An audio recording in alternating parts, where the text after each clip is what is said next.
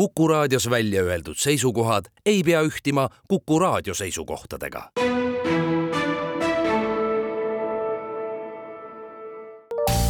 terviseks.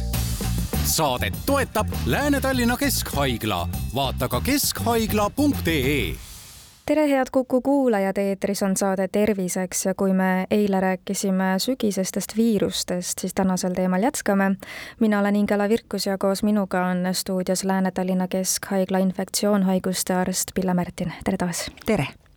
No selge on see, et äh, gripi ja koroona ajal tuleb koju jääda, aga kui on äh, lapsel näiteks väike nohu, kas ta võib minna lasteaeda? või kui minul on näiteks, tunnen, et natukene nagu kurk äh, kriibib, olen teinud nii koroonatesti kui gripitesti, mõlemad on negatiivsed, kas ma võin siis tööle minna? nakkushaiguste arst ja ka arst terv-, kui selline ütleb, et esimene päev või kaks, võtke asja rahulikult et eh, kui on selline tunne, et eh, haigus hakkab kallale tulema, tegemist on esimeste tundidega või esimese päevaga, siis see päev tasuks küll jätta endale puhkamiseks ja paranemiseks. et eh, iga hinna eest kangelast mängides ja tööle minnes esiteks on võimalus, et nakatatakse ära lähimad kolleegid, kaaslased ja teiseks võib-olla ei lasta oma organismil taastuda, mis oleks hädavajalik, et see asi võimalikult kähkusti üle läheks et eh, siin kohapeal küll tahaks öelda, et kui vähegi võimalik, eh, ärge pistke oma nina välja, et iseenesest see mõte ja lause, et püsige esimesel kahel-kolmel päeval kodus, mis meil viimased kolm aastat on olnud väga aktuaalne, ei ole teps mitte vale mõte, see hoiab ära palju suurema nakkuse leviku. ja muidugi, kui inimene hakkab juba tasapisi paranema, haiguse algusest on möödas mõned päevad, organism on juba kogunud, kosunud ennast, et siis jah, kui on enesetunne hea ja ja, ja silmnähtavalt on näha, et haigus taandub, et ega siis ei ole põhjust ka eemale hoida teistest kui ma tunnen esimesi sümptome ja ähm, kas ma saan kohe esimese paari tunni jooksul näiteks midagi teha, et, et seda haiguse arengut nii-öelda siis peatada või kui juba ikkagi pisik on sees, siis ei ole enam midagi teha? eks ta ikka toimetab edasi, aga äh, organismile tasub anda jaksu jõudu juurde, ehk siis äh, kuuma tee joomine, vedelike joobimine, joomine on igal juhul omal kohal, et ja kui kurguvalu segab rääkimist või hingamist või midagi muud sellist, et siis tasub ka kurguvalu leevendavaid äh, ravimeid tarvitada.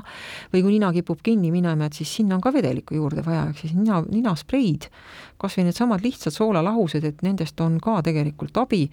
et aidata endal paremini toime tulla aga nohu jaoks on ka erinevad tabletid, et kuidas seda õiget siis valida üldse või äh, kuidas nagu tabletide seda... ja, ja, ja, ja selle äh, noh, nende mõnede spreide sees on ka niisugused vahendid, mis äh, võtavad limaskesta turset tagasi, aga neid ei peaks tarvitama pikalt ja pidevalt, et nad ahendavad veresooni ninas ja kui need on pikalt ahenenud, et siis võib see omakorda hakata tekitama probleeme, et pigem alguses kui on kõige ägedam häda käes, et siis äh, võib jah, neid tablette ja, ja spreisid ka tarvitada, tõsi küll, lastel on omad äh, reeglid, et äh, päris kõik asjad väga väikestele lastele ei sobi, aga täiskasvanutel jah, esimese päeva paari jooksul aitab limaskesta turset lahti teha, aitab õhul ninast läbi käia ja, ja see teeb enesetunnet paremaks enesetunnet küll paremaks, aga kas tegelikult on üldse vaja selliseid äh, nohuviiruseid ravida, et öeldakse ju ka, et äh, ravi nohu ja see möödub seitsme päevaga, ära ravi ja saad nohust äh, lahti nädalaga. no summa summarum inimese organism toimetab ühe, ühe rinoviirusega umbes nii kaua, ehk siis jah, sa võid ju lebada maas ja nina nuusata ja üldse mitte midagi ette võtta, aga ega see su enesetunnet kuigivõrd palju paremaks ei tee, ehk siis ravimine aitab inimesel paremini toime tulla, näiteks kas või süüa ja juua. kui nina on kinni ja, ja inimene lõhna ja maitset ei tunne ja ei tahagi üldse midagi, siis organism, mis vajab sellel perioodil rohkem vedelikku ja võib-olla toitu, jääb selle vaegusesse ja siis see enesetunne ei lähegi paremaks seitse päeva järjest, võib-olla seda ei ole vaja oodata või, või pingutada selle nimel, et äkki ta siis läheb ise üle, ma ei tee üldse mitte midagi sellise klausliga. Et eh, siinkohal ennast aidata ikka tasub kui aga kodus on keegi nohune ja on selge, et teda mingi viirus tabanud, kas äh, siis teised pereliikmed saaksid ka midagi teha selleks, et mitte haigeks jääda või ikkagi on see kuidagi nii, et no nagu ka koroona puhul nägime, et kui juba viirus on kodus, siis on üsna keeruline sellest ikkagi eemal hoida? paraku jah, kui on äh, lähedased suhted ja, ja inimeste eest hoolt kantakse, siis selle eest on päris raske äh, eemal hoida. ja mida saab kindlasti teha, on see, et käsi pesta, sest inimene näpib oma nägu mingi kuusteist korda minutis peaaegu, et küll nina ja suu ja nurk ja prill ja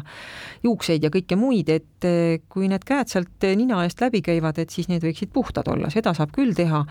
Ja saab vaadata, et kodupinnad oleksid ka nii enam-vähem puhtad ja võib-olla käterätti sagedamini vahetada, et mitte päris üks ja sama ei ripu nädal aega järjest, et et sellega saab teha, aga jah, kui on vaja lähedase eest hoolt kanda, et siis terve pere käib rangelt maskis ringi seni kuni et nii sõvedaks, ma arvan, ei ole mõtet minna. mida te aga arvate sellistest C-vitamiinidest ja immuunsüsteemi tugevdavatest preparaatidest, et kas need päriselt tugevdavad siis organismi nii palju? väga et... palju on inimese peas kinni, ehk siis tegelikult, kui me äh, päris normaalset sööki-jooki sööme, ehk siis ei ole ainult näiteks makaroni dieedi peal kolm korda päevas makarone ja puhas vesi juurde, noh, siis on selge, et jääb puudu asju ja võib-olla peaks juurde võtma, aga kui inimene enam-vähem mõistlikul äh, moel äh, sööb puu- ja köögivilju ja, ja joob ka vedelikke juurde ja neid vedelikke näiteks kummelitee või kellele maitseb piparmünditee, palun väga, et siis tegelikult sellest piisab, et äh, organismi varud on siiski piisavad, et, et toime tulla ka niisuguste ägedama nohuviirushaigusega ei selle jaoks eraldi juurde võtma, et ma nüüd tarvitan kõvasti C-vitamiini, C-vitamiin äh, tuuakse organismist neerude poolt igasugune liik kohe välja. ja, ja seda, et meil on C-vitamiini vaegus niisugune, et äh, skorbuudina väljendub, nagu C-vitamiini tõsine vaegus aeg, ammustel aegadel välja nägi, et niisugust asja naljalt meie ühiskonnas ei juhtu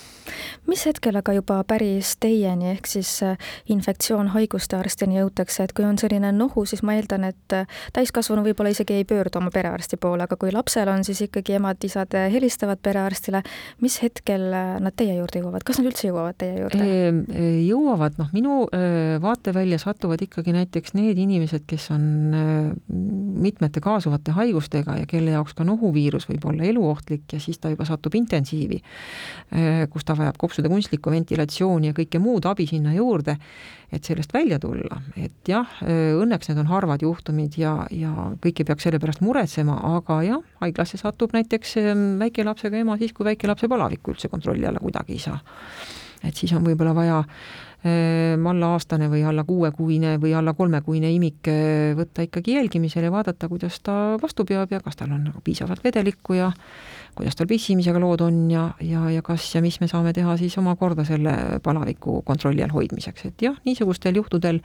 ikkagi inimesed satuvad ka haiglaravile ja saavad abi kas nende patsientide pealt on näha mingit kasvavat trendi või midagi sellist uut, et kui me eelmise saate algul rääkisime sellest, et et sügisperiood, need sügi, septembrised ja oktoobrised viirused, need on küllaltki sarnased ikkagi eh, iga aasta, et kas praegu on midagi sellist uut ka teie jaoks näiteks? Mm,? ei ole ja võib-olla see on isegi hea, et, et see algav hooaeg praegu meenutab pigem äh, Covidi-eelset hooaega, ehk meil on mitut sorti viirusi liikvel äh,, juhib äh, hea vana tuntud nohuviirus äh,, grippi veel ei ole, Covid tasapisi tõuseb äh,, aga mitte drastiliste hoog, hoogsate sammudega ja, ja ei ole ka mingeid selliseid uusi viirusi, mis peaksid meid eriti närviliseks ajama, et tavaliselt küll nakkushaiguste ajalukku vaadates, et kui üks tõsine pandeemia on läbi käinud, et sinna kohe otsa mingit järgmist põnevat asja ei maandu, et eh, loodusel on siiski ka eh, mingisugused mõtted ja piirid olemas, aga eh, sellegipoolest jah võib öelda, et on algamas hetkel äh, üsna tavapärane äh, respiratoorsete viiruste hooaeg, kus on olemas Covid, aga on olemas ka gripp, on RS-viirus, on nohuviirused, adenoviirused ja veel terve rida äh, erinevaid hingamisteede viirusi, mis kõik tasapisi juba liikvele on läinud. ja see on seal kusagil märtsini välja? märtsini välja, jah. mida saaks siis omalt poolt teha, et ikkagi kuidagi hoiduda nendest viirustest või kuidagi ennetada neid, et äh, kuivõrd oluline on näiteks siin ikkagi see hea uni, toitumine, mm, mida saaks inimene igapäevaselt ära väga teha selleks? väga kriitilisel kohal, väga kriitilisel kohal on, on needsamad äh, head äh, harjumused, mida meile räägitakse ja, ja see tähendabki, et inimene peab magada saama sest aju ja organism taastub magamise ajal, inimene peab korralikult süüa saama, sest kust ta muidu seda varandust ja energiat võtab, millega toime tulla igasuguste teda tabavate hädade ja õnnetustega, nagu näiteks viirustega. inimene peab liikuma, selleks on ta disainitud viimased miljonit, kaks aastat, kaks miljonit aastat, et ei ole mõeldud ta istuma või diivanil lebama ja, ja kui kõiki neid silmas pidada, siis tegelikult me saame päris hästi toime ka neid meid, meid ründavate viirustega, mis on meie kandi loodusnähtus. Ja ega sellest üle ja ümber tegelikult ei saa. Ja kui on võimalik ennetada näiteks gripi ja Covidi puhul,